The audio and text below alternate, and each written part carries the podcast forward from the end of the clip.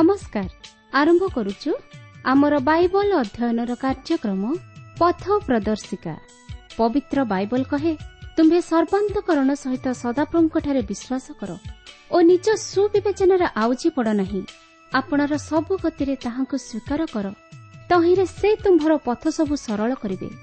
ଆସନ୍ତୁ ସେହି ପଥ ପ୍ରଦର୍ଶକଙ୍କର ସନ୍ଧାନ ପାଇବା ନିମନ୍ତେ ଶୁଣିବା ବେତାର କାର୍ଯ୍ୟକ୍ରମ ପଥ ପ୍ରଦର୍ଶିକା।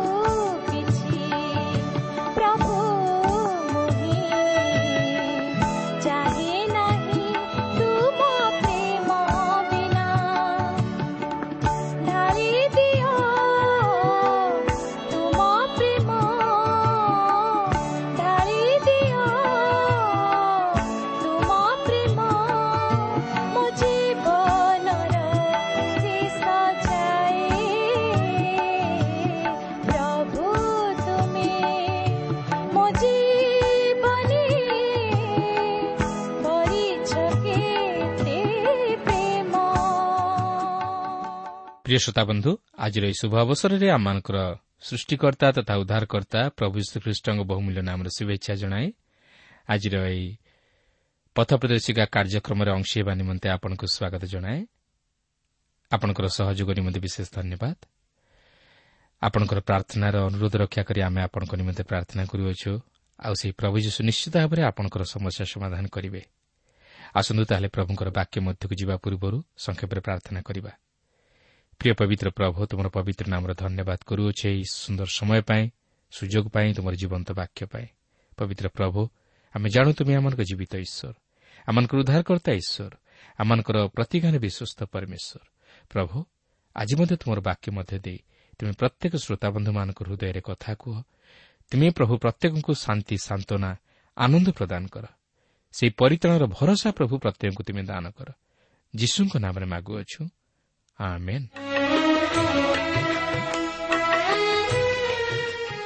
ଆସନ୍ତୁ ବର୍ତ୍ତମାନ ଆମେ ପ୍ରଭୁଙ୍କର ବାକ୍ୟ ମଧ୍ୟକୁ ଯିବା। ଆଜି ଆମେ ଦ୍ୱିତୀୟ ରାଜାବଳୀ ପାଞ୍ଚ ପର୍ବର ପ୍ରଥମ ପଦରୁ ଆରମ୍ଭ କରି ସତେଇଶ ପଦ ପର୍ଯ୍ୟନ୍ତ ଅଧ୍ୟୟନ କରିବା ନିମନ୍ତେ ଯିବା। ମୋର ଅନୁରୋଧ ଆପଣ ଏହି କାର୍ଯ୍ୟକ୍ରମ ମନୋଯୋଗର ସହିତ ଶୁଣନ୍ତୁ ଓ ଏହି କାର୍ଯ୍ୟକ୍ରମ ଆପଣଙ୍କୁ କିପରି ଲାଗିଲା ତହିଁର ମତାମତ ଲେଖି ଜଣାନ୍ତୁ ତେବେ ଆପଣଙ୍କର ମନେଥିବ ଗତ ଆଲୋଚନାରେ ଆମେ ଇଲିସାଏ ଭବିଷ୍ୟତ ବକ୍ତାଙ୍କର ପାଞ୍ଚଟି ଆଶ୍ଚର୍ଯ୍ୟକର୍ମ ନେଇ ଆଲୋଚନା କରିଥିଲୁ ଯାହାକି ଇଲିସାଏ ଯେ ବାସ୍ତବରେ ଈଶ୍ୱରଙ୍କର ଭବିଷ୍ୟତ ବକ୍ତା ତାହା ପ୍ରମାଣିତ କରେ ଓ ଇଲିସାଏଙ୍କର ଈଶ୍ୱର ଯେ ସତ୍ୟ ତଥା ଜୀବନ୍ତ ଈଶ୍ୱର ତାହା ଏଥିରୁ ପ୍ରମାଣିତ ହୁଏ। କିନ୍ତୁ ଆଜି ଆମେ ଯେଉଁ ଅଂଶଟି ଅଧ୍ୟୟନ କରିବାକୁ ଯିବା ତାହା ହେଉଛି ଦ୍ୱିତୀୟ ରାଜାବଳୀ ପୁସ୍ତକର ପାଞ୍ଚ ପର୍ବର ପ୍ରଥମ ପଦରୁ ସତେଇଶ ପଦ ପର୍ଯ୍ୟନ୍ତ। ଆପଣଙ୍କ ନିକଟରେ ଯଦି ପବିତ୍ର ବାଇବଲ ଅଛି ତାହେଲେ ମୋ ସହିତ ଖୋଲନ୍ତୁ ଅଧ୍ୟୟନ କରନ୍ତୁ।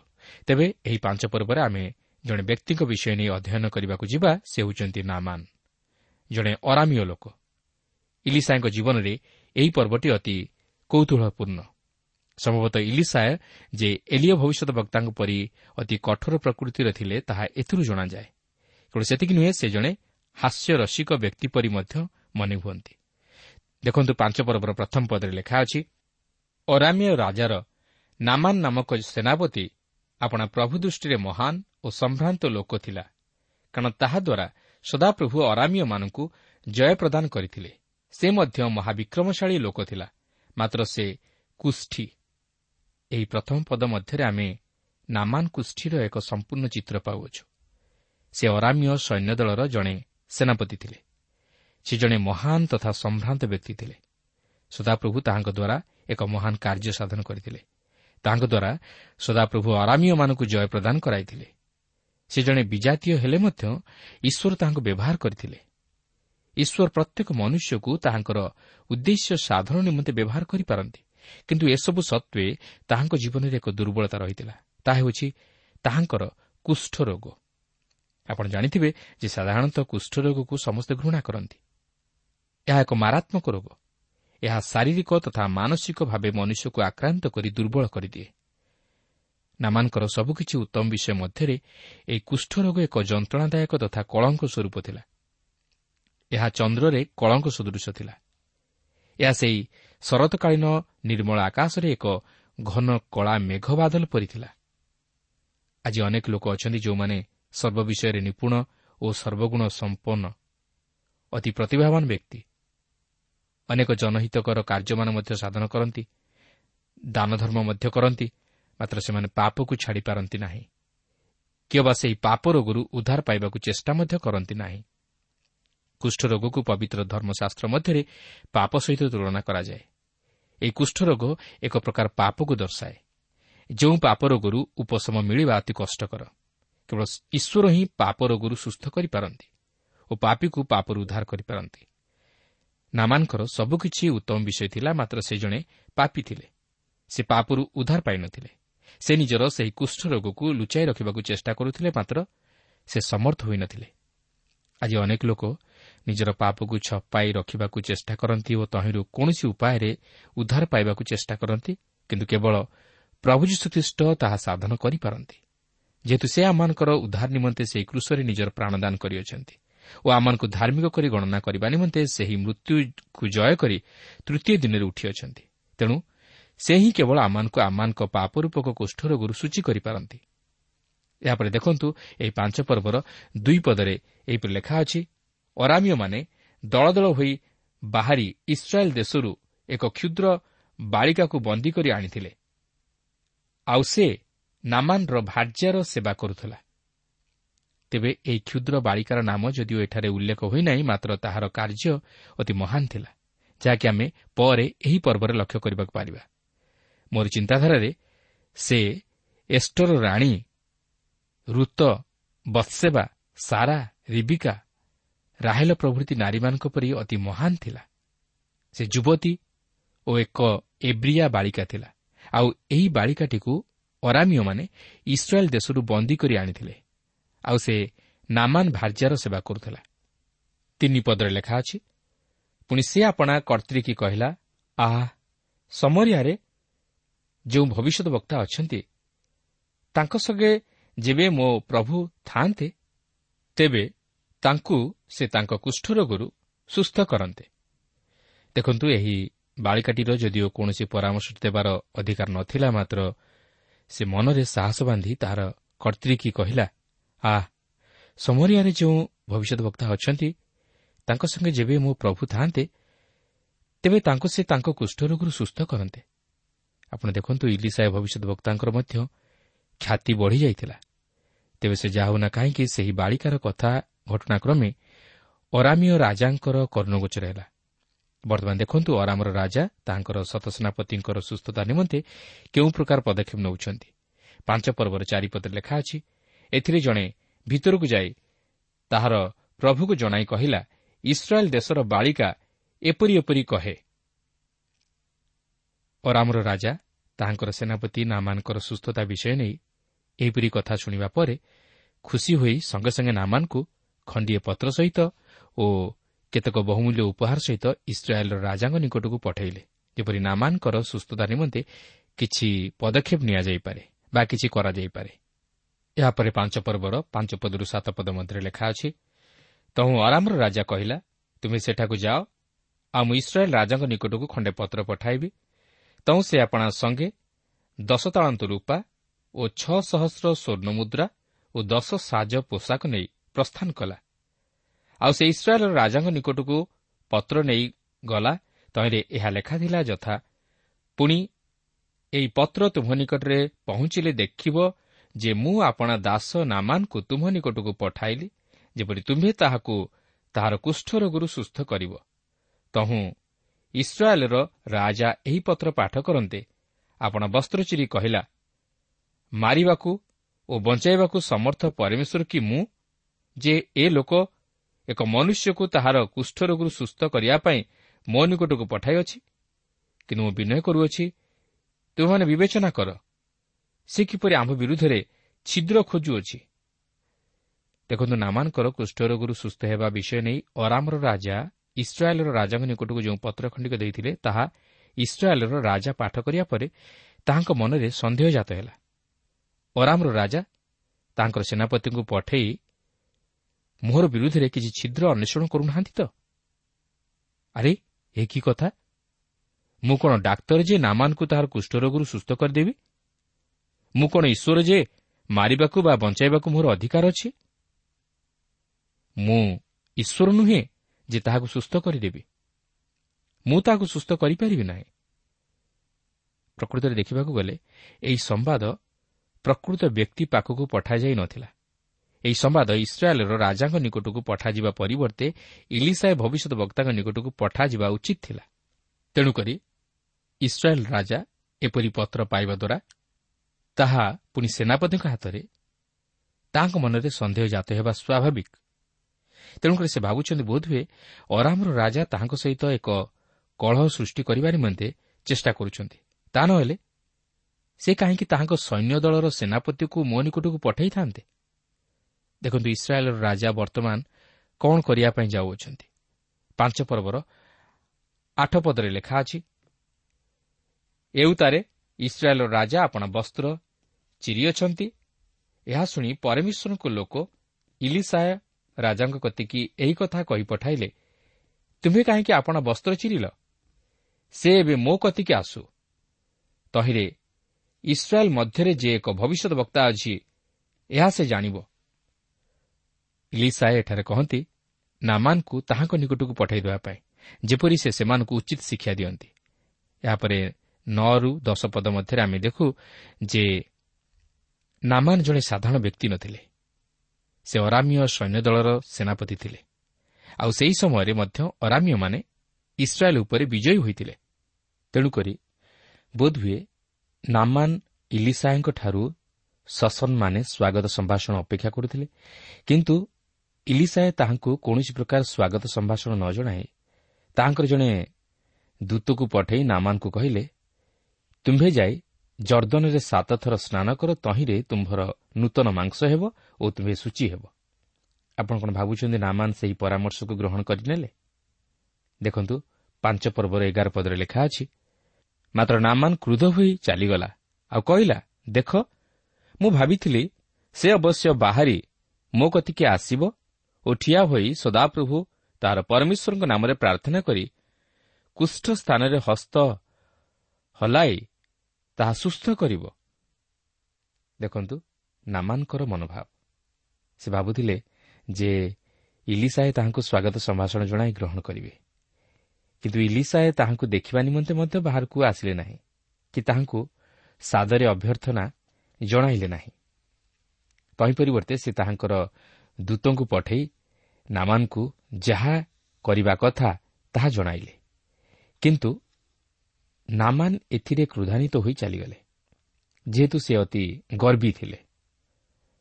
ପ୍ରିୟ ବନ୍ଧୁ ଗର୍ବ ମନୁଷ୍ୟର ପତନ ଘଟାଇଥାଏ। ଏହା ଈଶ୍ୱରଙ୍କ ଇଚ୍ଛା ବିରୁଦ୍ଧରେ ଯାଇ କାର୍ଯ୍ୟ କରିବାକୁ ମନୁଷ୍ୟକୁ ପ୍ରେରଣା ଦେଇଥାଏ। ନାମାନ ଇଲିସାଙ୍କଠାରୁ ଯେଉଁପରି ସମ୍ମାନ ଅପେକ୍ଷା କରୁଥିଲେ ତାହା ନ ପାଇବାରୁ କ୍ରୋଧରେ ପରିପୂର୍ଣ୍ଣ ହେଲେ। କିନ୍ତୁ ଈଶ୍ୱର କେବଳ ତାହାଙ୍କୁ ତାହାଙ୍କ କୁଷ୍ଠରୋଗରୁ ସୁସ୍ଥତା ଦେବାକୁ ଚାହିଁନଥିଲେ। ସେ ମଧ୍ୟ ତାହାଙ୍କର ସେହି ଗର୍ବ ତଥା ଅହଙ୍କାରକୁ ଚୂର୍ଣ୍ଣ କରିବାକୁ ଚାହିଁଥିଲେ। କାରଣ ଈଶ୍ୱର ଗର୍ବୀକୁ ଘୃଣା କରନ୍ତି ଓ ସେ ତାହାକୁ ଦୂରରୁ ଚିହ୍ନନ୍ତି ବୋଲି ପବିତ୍ର ବାଇବଲ ପ୍ରକାଶ କରେ। ସେଥିପାଇଁ ହିତୋପଦେଶ ଷୋହଳ ପର୍ବର ଅଠର ପଦରେ ଲେଖା ଅଛି ଅହଙ୍କାର ସର୍ବନାଶର ସମ୍ମୁଖରେ ଥାଏ ପୁଣି ଦାମ୍ଭିକ ମନ ପତନର ସମ୍ମୁଖରେ ଥାଏ। ବାସ୍ତବରେ ଯେ ଗର୍ବ କରେ ସେ ଈଶ୍ୱରଙ୍କୁ ଗୌରବ ଦେଇପାରେ ନା ମାତ୍ର ନିଜକୁ ଅତି ଉଚ୍ଚୀକୃତ କରେ।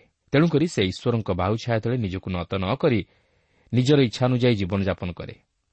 କିନ୍ତୁ ଈଶ୍ୱର ମନୁଷ୍ୟ ନିମନ୍ତେ ସେହି ପରିତାଣର କାର୍ଯ୍ୟ ସାଧନ କରି ମନୁଷ୍ୟକୁ ତାହାର ଗର୍ବ ତଥା ଅହମିକାର ଯଥାର୍ଥ ପ୍ରତ୍ୟୁତ୍ତର ପ୍ରଦାନ କରିଅଛନ୍ତି। ମନୁଷ୍ୟ ଯେ ନିଜେ ନିଜ ପାପରୁ ଉଦ୍ଧାର ପାଇବା ନିମନ୍ତେ ଅକ୍ଷମ ଓ କୌଣସି ମନୁଷ୍ୟ ଯେ ନିଜର ଧର୍ମକର୍ମ ବଳରେ ଉଦ୍ଧାର ପାଇପାରିବ ନାହିଁ କି ତହିଁର ପ୍ରତିଦାନରେ କିଛି ଦେଇପାରିବ ନାହିଁ ତାହା ସେ ପରିଷ୍କାର ଭାବେ ଜଣାଇ ଦେଇଅଛନ୍ତି। କାରଣ ପବିତ୍ର ବାଇବଲ କହେ ସମସ୍ତେ ପାପ କରିଅଛନ୍ତି ଓ ଈଶ୍ୱରଙ୍କ ମହିମାରୁ ଉଣା ପଡ଼ିଅଛନ୍ତି। ସେଥିପାଇଁ ପ୍ରେରିତ ପାଉଲ କହନ୍ତି ଯାହାସବୁ ମୋ ନିମନ୍ତେ ଲାଭଜନକ ଥିଲା ସେହିସବୁକୁ ମୁଁ ଖ୍ରୀଷ୍ଟଙ୍କ ନିମନ୍ତେ କ୍ଷତିଜନକ ବୋଲି ଗଣ୍ୟ କରିଅଛି। ପାଉଲ ନିଜର ଧର୍ମକୁ ଯୋଗ୍ୟତାକୁ ଜ୍ଞାନକୁ ଏପରିକି ସମସ୍ତ ବିଷୟକୁ ସେ କ୍ଷତିଜନକ ବା ସଢ଼ା କୁଟା ପରି ଜ୍ଞାନ କଲେ। ଯେପରି ସେ ଖ୍ରୀଷ୍ଟଙ୍କୁ ପାଇପାରନ୍ତି ଓ ତାହାଙ୍କର ବୋଲି ଗଣାଯାଆନ୍ତି। ପ୍ରିୟ ବନ୍ଧୁ ଆପଣ ଗୋଟିଏ ପାଖେ ନିଜର ନିଜତ୍ୱକୁ ମାନ ସମ୍ମାନକୁ ପଦମର୍ଯ୍ୟାଦାକୁ ଧରି ରଖି ଅପରପକ୍ଷରେ ଖ୍ରୀଷ୍ଟଙ୍କୁ ଉଦ୍ଧାରକର୍ତ୍ତା ରୂପେ ବିଶ୍ୱାସରେ ଗ୍ରହଣ କରିପାରିବେ ନାହିଁ। କାରଣ ଖ୍ରୀଷ୍ଟଙ୍କୁ ଗ୍ରହଣ କରିବାକୁ ହେଲେ ନିଜକୁ ଶୂନ୍ୟ କରି ଅର୍ଥାତ୍ ନିଜର ଅହନ୍ତକୁ ଓ ନିଜତ୍ୱକୁ ଦୂରେଇ ଖ୍ରୀଷ୍ଟଙ୍କୁ ସ୍ଥାନ ଦେବାକୁ ହେବ। ତାହେଲେ ଖ୍ରୀଷ୍ଟ ଆପଣଙ୍କ ଜୀବନ ଦ୍ୱାରା ଗୌରବାନ୍ୱିତ ହେବା ସଙ୍ଗେ ସଙ୍ଗେ ତାହାଙ୍କର ଆଦର୍ଶ ଜୀବନ ଓ ସ୍ୱଭାବ ଆପଣଙ୍କ ଜୀବନ ଦ୍ୱାରା ପ୍ରତିଫଳିତ ହେବ ଓ ଖ୍ରୀଷ୍ଟଙ୍କର ଅଭିମତ ସଫଳ ହୋଇପାରିବ। ଏହାପରେ ପାଞ୍ଚ ପର୍ବର ବାରରୁ ଚଉଦ ପଦ ମଧ୍ୟରେ ଏହିପରି ଲେଖା ଅଛି ଇସ୍ରାଏଲ୍ର ସମୁଦାୟ ଜଳ ଅପେକ୍ଷା କି ଦମେଶକର ଅବାନା ଓ ପର୍ପର ନଦୀ ଉତ୍ତମ ନୁହେଁ? ମୁଁ କି ତହିଁରେ ସ୍ନାନ କରି ସୂଚି ହୋଇ ନ ପାରନ୍ତି? ଏଣୁ ସେ ଫେରି କ୍ରୋଧରେ ଚାଲିଗଲା। ଏଥିରେ ତାହାର ଦାସମାନେ ନିକଟକୁ ଆସି ତାହାକୁ କହିଲେ ଆମ୍ଭ ପିତ ଯେବେ ସେ ଭବିଷ୍ୟତ ବକ୍ତା କୌଣସି ବଡ଼ କାର୍ଯ୍ୟ କରିବାକୁ ଆପଣଙ୍କୁ ଆଜ୍ଞା କରିଥାନ୍ତେ ତେବେ କି ଆପଣ ତାହା କରିନଥାନ୍ତେ? ତେବେ ସ୍ନାନ କରି ସୂଚି ହୁଅ ଏହି କଥା ଯେତେବେଳେ ସେ ଆପଣଙ୍କୁ କହନ୍ତି ତାହା ମାନିବା କେତେ ଅଧିକ କର୍ତ୍ତବ୍ୟ। ତହୁଁ ସେ ପରମେଶ୍ୱରଙ୍କ ଲୋକଙ୍କ ବାକ୍ୟାନୁସାରେ ଯାଇ ଜର୍ଦ୍ଦନରେ ଆପଣଙ୍କୁ ସାତଥର ବୁଡ଼ାଇଲା। ଏଥିରେ ତାହାର ମାଂସ ପୁନର୍ବାର କ୍ଷୁଦ୍ର ବାଳକର ମାଂସ ତୁଲ୍ୟ ହେଲା ଓ ସେ ସୂଚି ହେଲା। ନାମାନ ଯଦିଓ ଫେରିଯିବାକୁ ଚାହୁଁଥିଲେ ମାତ୍ର ତାଙ୍କର ଦାସମାନଙ୍କର ଚିତ୍ତ ପ୍ରବୋଧକ କଥା ଶୁଣି ନାମାନ ଇଲିସାହେଙ୍କର କହିବା ଅନୁଯାୟୀ ସେହି ଜର୍ଦ୍ଦନରେ ନିଜକୁ ସାତଥର ବୁଡ଼ାଇବା ପରେ ସେ କୁଷ୍ଠରୋଗରୁ ସୁସ୍ଥ ହେଲେ। ବାସ୍ତବରେ ଏହା ନାମାନଙ୍କ ନିମନ୍ତେ ଅତି ଚମତ୍କାର ଶିକ୍ଷା ତଥା ଅନୁଭୂତି ଥିଲା। ସେ କେବେ ଭାବିନଥିଲେ ତାହାଙ୍କ ଜୀବନରେ ଏତେ ବଡ଼ ଅଲୌକିକ କାର୍ଯ୍ୟ ସାଧିତ ହେବ। ମାତ୍ର ତାହାଙ୍କର ବାଧ୍ୟତା ନମ୍ରତା ଓ ବିଶ୍ୱାସ ହେତୁ ସେ ତାହାଙ୍କର ଜୀବନରେ ଈଶ୍ୱରଙ୍କର ସେହି ଅସୀମ ଦୟା ଅନୁଗ୍ରହ ତଥା ଶକ୍ତିର କାର୍ଯ୍ୟକୁ ଦେଖିବାକୁ ପାରିଥିଲେ ବାସ୍ତବରେ ଏହା କିଣି ଚମତ୍କାର ବିଷୟ ଈଶ୍ୱର ଆମର ପଦମର୍ଯ୍ୟାଦାକୁ ଦେଖନ୍ତି ନାହିଁ ଜ୍ଞାନକୁ ଦେଖନ୍ତି ନାହିଁ ଧନକୁ ଦେଖନ୍ତି ନାହିଁ ଉତ୍ତମ ତଥା ଜନହିତକର କାର୍ଯ୍ୟକୁ ଦେଖନ୍ତି ନାହିଁ କି ଧର୍ମକର୍ମକୁ ଦେଖନ୍ତି ନାହିଁ ମାତ୍ର ଦେଖନ୍ତି ଆମମାନଙ୍କର ବିଶ୍ୱାସ ନମ୍ରତା ଓ ବାଧ୍ୟତା ତଥା ଭଗ୍ନଚୂର୍ଣ୍ଣ ହୃଦୟ ସେଦିନ ନାମାନ ଯଦିଓ କିଛି ସମୟ ନିମନ୍ତେ ନିଜର ଆତ୍ମହମିକାରେ ଅନ୍ଧ ହୋଇଯାଇଥିଲେ ମାତ୍ର ସେ ଯେତେବେଳେ ପରେ ନିଜକୁ ନମ୍ର କରି ବାଧ୍ୟ ହେଲେ ଓ ଈଶ୍ୱରଙ୍କଠାରେ ବିଶ୍ୱାସ କଲେ ସେତେବେଳେ ସେ ତାହାଙ୍କ ଜୀବନରେ ଈଶ୍ୱରଙ୍କର ଆଶୀର୍ବାଦ ଅନୁଗ୍ରହ ଓ ଶକ୍ତିର କାର୍ଯ୍ୟକୁ ଦେଖିବାକୁ ପାରିଲେ ଈଶ୍ୱର ତାହାଙ୍କୁ କେବଳ ନିଜର ଶାରୀରିକ କୁଷ୍ଠ ରୋଗରୁ ସୁସ୍ଥ କଲେ ନାହିଁ ମାତ୍ର ତାହାଙ୍କର ଆତ୍ମିକ ରୋଗରୁ ମଧ୍ୟ ତାହାଙ୍କୁ ସୁସ୍ଥତା ଦେଲେ। ଆଜି ଆମମାନଙ୍କ ଜୀବନରେ ସେହିପରି ବିଶ୍ୱାସ ନମ୍ରତା ବାଧ୍ୟତା ପରିଲକ୍ଷିତ ହେବା ଆବଶ୍ୟକ। ଏହାପରେ ପାଞ୍ଚ ପର୍ବର ପନ୍ଦର ପଦରୁ ଉଣେଇଶ ପଦ ମଧ୍ୟରେ ଆମେ ଦେଖୁ ଯେ ବର୍ତ୍ତମାନ ନାମାନ ତାହାଙ୍କର କୁଷ୍ଠରୋଗରୁ ସୁସ୍ଥତା ପାଇଥିବା ହେତୁ ସେ ଇସ୍ରାଏଲ୍ର ଈଶ୍ୱରଙ୍କୁ ଗୌରବ ଦେଉଛନ୍ତି। କାରଣ ସେ ଜାଣିବାକୁ ପାରିଲେ ଯେ ଇସ୍ରାଏଲ୍ର ଈଶ୍ୱର ପ୍ରକୃତ ସତ୍ୟ ଓ ଜୀବନ୍ତ ଈଶ୍ୱର। ସେଠାରେ ଇଲିସାଏଙ୍କୁ ବା ସେହି ଜର୍ଦ୍ଦନର ଜଳକୁ ଈଶ୍ୱର ବୋଲି ଭାବୁନାହାନ୍ତି ମାତ୍ର ଈଶ୍ୱରଙ୍କର ସେହି ସୁସ୍ଥକାରୀ ଶକ୍ତିକୁ ଉପଲବ୍ଧି କରି ଓ ତାହାଙ୍କର ଅସୀମ ଦୟା ତଥା ଅନୁଗ୍ରହକୁ ସ୍ମରଣ କରି ତାହାଙ୍କୁ ଏକମାତ୍ର ସତ୍ୟ ଓ ଜୀବନ୍ତ ଈଶ୍ୱର ରୂପେ ଗୌରବ ଦେଉଛନ୍ତି। ସେହି ପରମେଶ୍ୱରଙ୍କ ଲୋକ ଇଲିସାଏଙ୍କ ମଧ୍ୟ ଦେଇ ଈଶ୍ୱର ଯେ ତାହାଙ୍କୁ ଉଚିତ ଶିକ୍ଷା ଦେଇ ତାଙ୍କୁ ପାପରୁ ଉଦ୍ଧାର କରି ସୁସ୍ଥତା ଦେଇଛନ୍ତି ତାହା ସେ ବୁଝିପାରିଲେ। କେବଳ ସେତିକି ନୁହେଁ ଏଥିସହିତ ସେ ମଧ୍ୟ ଇଲିସାଏଙ୍କର ପ୍ରଶଂସା କରି ତାହାଙ୍କୁ ଅତି ବହୁମୂଲ୍ୟ ଉପହାର ପ୍ରଦାନ କରୁଅଛନ୍ତି ମାତ୍ର ଇଲିସାଏ ତାହା ଗ୍ରହଣ କରୁନାହାନ୍ତି। ଯେହେତୁ ଈଶ୍ୱର ଯାହା ସାଧନ କରିଅଛନ୍ତି ଇଲିସାଏ ତହି ନିମନ୍ତେ କୌଣସି ଉପହାର ଗ୍ରହଣ କରିବାକୁ ଚାହାନ୍ତି ନାହିଁ। ଇଲିସାଏ ମଧ୍ୟ ଏଠାରେ ଈଶ୍ୱରଙ୍କୁ ଗୌରବ ଦିଅନ୍ତି। ଅନେକ ଅଛନ୍ତି ଯେଉଁମାନେ ଈଶ୍ୱରଙ୍କ ନିମନ୍ତେ ସେହିପରି କୌଣସି ଉତ୍ତମ କାର୍ଯ୍ୟ ସାଧନ କଲେ ଈଶ୍ୱରଙ୍କୁ ଗୌରବ ଦେବା ପରିବର୍ତ୍ତେ ନିଜେ ମନୁଷ୍ୟମାନଙ୍କଠାରୁ ଗୌରବ ଅନ୍ୱେଷଣ କରନ୍ତି। ମାତ୍ର ଆମେ ଇଲିସାଙ୍କ ଜୀବନରେ ଦେଖୁ ଯେ ସେ ଈଶ୍ୱରଙ୍କୁ ଗୌରବ ଦିଅନ୍ତି କିନ୍ତୁ ମନୁଷ୍ୟଠାରୁ ଗୌରବ ପାଇବାକୁ ବା ପ୍ରଶଂସା ପାଇବାକୁ ଚାହାନ୍ତି ନାହିଁ ପ୍ରିୟ ବନ୍ଧୁ ପ୍ରଭୁ ଆମମାନଙ୍କ ଜୀବନରେ ଯେଉଁ ସମସ୍ତ ମହାନ କାର୍ଯ୍ୟ ସାଧନ କରିଅଛନ୍ତି କିମ୍ବା ଆମମାନଙ୍କ ସେବା ଦ୍ୱାରା ଅନ୍ୟମାନଙ୍କ ଜୀବନରେ ତାହା ସାଧନ କରିଅଛନ୍ତି ତହି ନିମନ୍ତେ ଆମେ ନିଜେ ଗର୍ବ କରିବା ବା ଅନ୍ୟମାନଙ୍କଠାରୁ ଗୌରବ ଅନ୍ୱେଷଣ କରିବା ଠିକ୍ ନୁହେଁ କିନ୍ତୁ ଈଶ୍ୱରଙ୍କୁ ଗୌରବ ଦେଇ ତାହାଙ୍କର ସମସ୍ତ ଅନୁଗ୍ରହ ତଥା ମଙ୍ଗଳଦାନ ନିମନ୍ତେ ତାହାଙ୍କର ଧନ୍ୟବାଦ କରିବା ଉଚିତ ଓ ଅନ୍ୟମାନଙ୍କୁ ମଧ୍ୟ ତହିଁରେ ଅଂଶୀ କରାଇବା ଉଚିତ। କିନ୍ତୁ ନାମାନ ସୁସ୍ଥ ହୋଇ ଇଲିସାଙ୍କ ନିକଟରୁ ଫେରିଯିବା ସମୟରେ ଏକ ଅଦ୍ଭୁତ ଘଟଣା ଘଟିଲା ଯାହାକି ଆମେ ଏହି ପାଞ୍ଚ ପର୍ବର କୋଡ଼ିଏ ପଦଠାରୁ ଆରମ୍ଭ କରି ସତେଇଶ ପଦ ମଧ୍ୟରେ ଲକ୍ଷ୍ୟ କରିବାକୁ ପାରିବା। ନାମାନଙ୍କର କୁଷ୍ଠରୋଗ ଇଲିସାଙ୍କ ଦାସ ଗିହେଜି ଓ ତାହାଙ୍କ ବଂଶ ଉପରେ ବର୍ତ୍ତିଲା। ଓ ସଦାକାଳ ଲାଗି ରହିଲା। କିନ୍ତୁ ଏହା କାହିଁକି ଘଟିଲା ଆସନ୍ତୁ ବର୍ତ୍ତମାନ ତହିଁର କାରଣ ଖୋଜି ବାହାର କରିବା। ଏଠାରେ ମୁଁ ଆପଣଙ୍କୁ ସଂକ୍ଷେପରେ ସୂଚାଇ ଦେବାକୁ ଚାହେଁ ଯେ ନାମାନ ଇଲିସାଙ୍କ ନିକଟକୁ ଆସିବା ସମୟରେ ଅନେକ ବହୁମୂଲ୍ୟ ଉପହାର ପ୍ରଭୃତି ଆଣିଥିଲେ ଓ ସେ ସୁସ୍ଥତା ପାଇବା ପରେ ସେହି ସମସ୍ତ ଉପହାର ଇଲିସାଙ୍କୁ ପ୍ରଦାନ କରିଥିଲେ।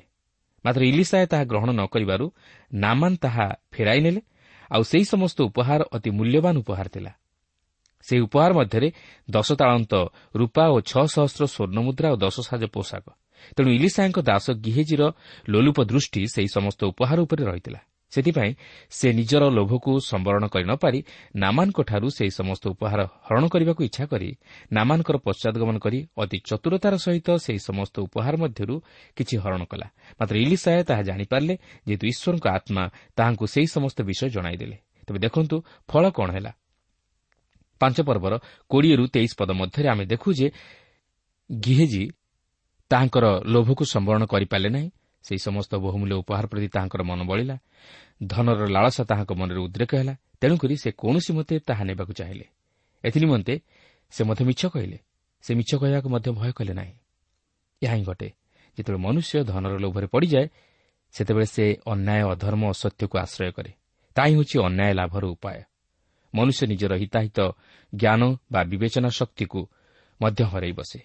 କାରଣ ଧନଲୋଭ ସମସ୍ତ ଅନିଷ୍ଟର ମୂଳ ବୋଲି ପବିତ୍ର ବାଇବଲ ପ୍ରକାଶ କରେ। ପାଞ୍ଚ ପର୍ବର ଚବିଶରୁ ପଚିଶ ପଦ ମଧ୍ୟରେ ଆମେ ଦେଖୁ ଯେ ଗିହେଜି ନାମାନଙ୍କର ଦାସମାନଙ୍କୁ କିଛି ବାଟ ପର୍ଯ୍ୟନ୍ତ ଆସିବାକୁ କହିଲେ ମାତ୍ର ଏହାପରେ ସେ ସେମାନଙ୍କଠାରୁ ସେହିସବୁ ନେଇ ସେମାନଙ୍କୁ ପୁନର୍ବାର ନାମାନଙ୍କ ନିକଟକୁ ପଠାଇଦେଲେ ଯେପରି ଇଲିସାଏ ସେମାନଙ୍କୁ ଦେଖି ନ ପାରନ୍ତି ଏହାପରେ ଗିହେଜି ସେହି ସମସ୍ତ ଉପହାରକୁ ଅତି ଯତ୍ନର ସହିତ ରଖିବା ପରେ ପୁନର୍ବାର ପୂର୍ବପରି ଯାଇ ଇଲିସାଙ୍କ ସମ୍ମୁଖରେ ଛିଡ଼ା ହୋଇ ପଡ଼ିଲେ। ସତେ ଯେପରି ସେ କିଛି ଜାଣିନାହାନ୍ତି କି କିଛି ଭୁଲ କରିନାହାନ୍ତି ମାତ୍ର ସେ ନିଜକୁ ଯେତେ ସାଧୁ ଦେଖାଇଲେ କ'ଣ ହେବ? ଇଲିସାୟ ତାହାଙ୍କର ସମସ୍ତ ପ୍ରତାରଣା ପୂର୍ଣ୍ଣ କାର୍ଯ୍ୟକଳାପକୁ ବୁଝିପାରିଥିଲେ। ତେଣୁକରି ସେ ଗିହେଜିଙ୍କୁ ପଚାରୁଛନ୍ତି ଗିହେଜି ତୁମେ କେଉଁଠାରୁ ଆସିଲ? ଗିହେଜି ନିଜର ସଚୋଟ ପଣିଆକୁ ଦେଖାଇବାକୁ ଯାଇ ଅତି ନିର୍ଭୀକତାର ସହିତ ଉତ୍ତର ଦେଉଛନ୍ତି ଆପଣଙ୍କ ଦାସ କେଉଁଠାକୁ ଯାଇନାହିଁ? ଗିହେଜି ଭାବୁଛନ୍ତି ଇଲିସାଏ ତାହା ଜାଣିନାହାନ୍ତି।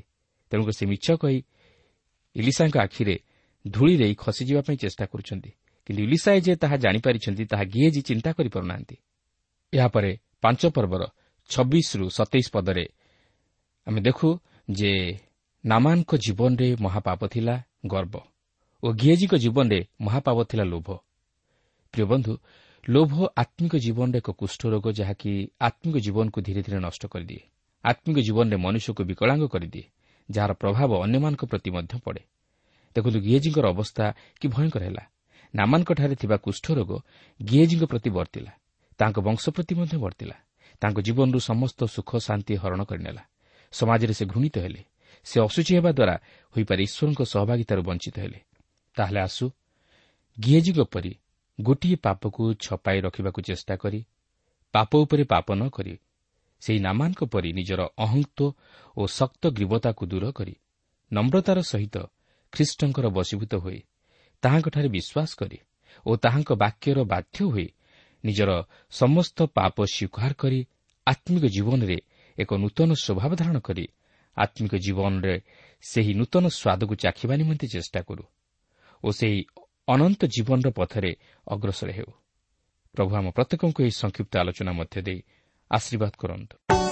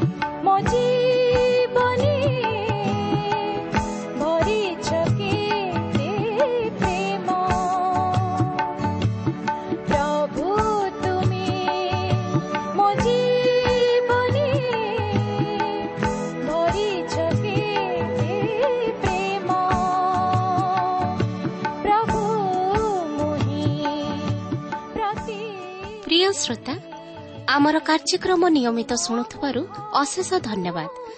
ଆପଣ ଏହି କାର୍ଯ୍ୟକ୍ରମ ଶୁଣିବା ଦ୍ୱାରା ଆତ୍ମିକ ଜୀବନରେ ଉପକୃତ ହୋଇପାରିଥିବେ ବୋଲି ଆମର ବିଶ୍ୱାସ। ପ୍ରଭୁ ଯୀଶୁଙ୍କ ବିଷୟରେ ଅଧିକ ଜାଣିବାର ଆଗ୍ରହ ଥିଲେ ଅଥବା ଉପାଦେୟ ପୁସ୍ତକର ଆବଶ୍ୟକ ଥିଲେ ଆମ ସହ ଯୋଗାଯୋଗ କରନ୍ତୁ। ଆମର ଠିକଣା ପଥ ପ୍ରଦର୍ଶିକା Trans Radio India post box number ତିନି ତିନି ଭୁବନେଶ୍ୱର ଏକ double seven double two one four one five ଠିକଣାଟି ଆଉଥରେ ଶୁଣନ୍ତୁ। ପଥ ପ୍ରଦର୍ଶିକା Trans World Radio India post box number three three Bhubaneswar seven five one zero zero one mobile number nine seven double seven double two one four one five ଆମର email ଆଡ୍ରେସ୍ଟି ଲେଖି ରଖନ୍ତୁ Odia TTV at radio eight eight two dot com ତେବେ ଆଜି ପାଇଁ ବିଦାୟ ଦିଅନ୍ତୁ। ନମସ୍କାର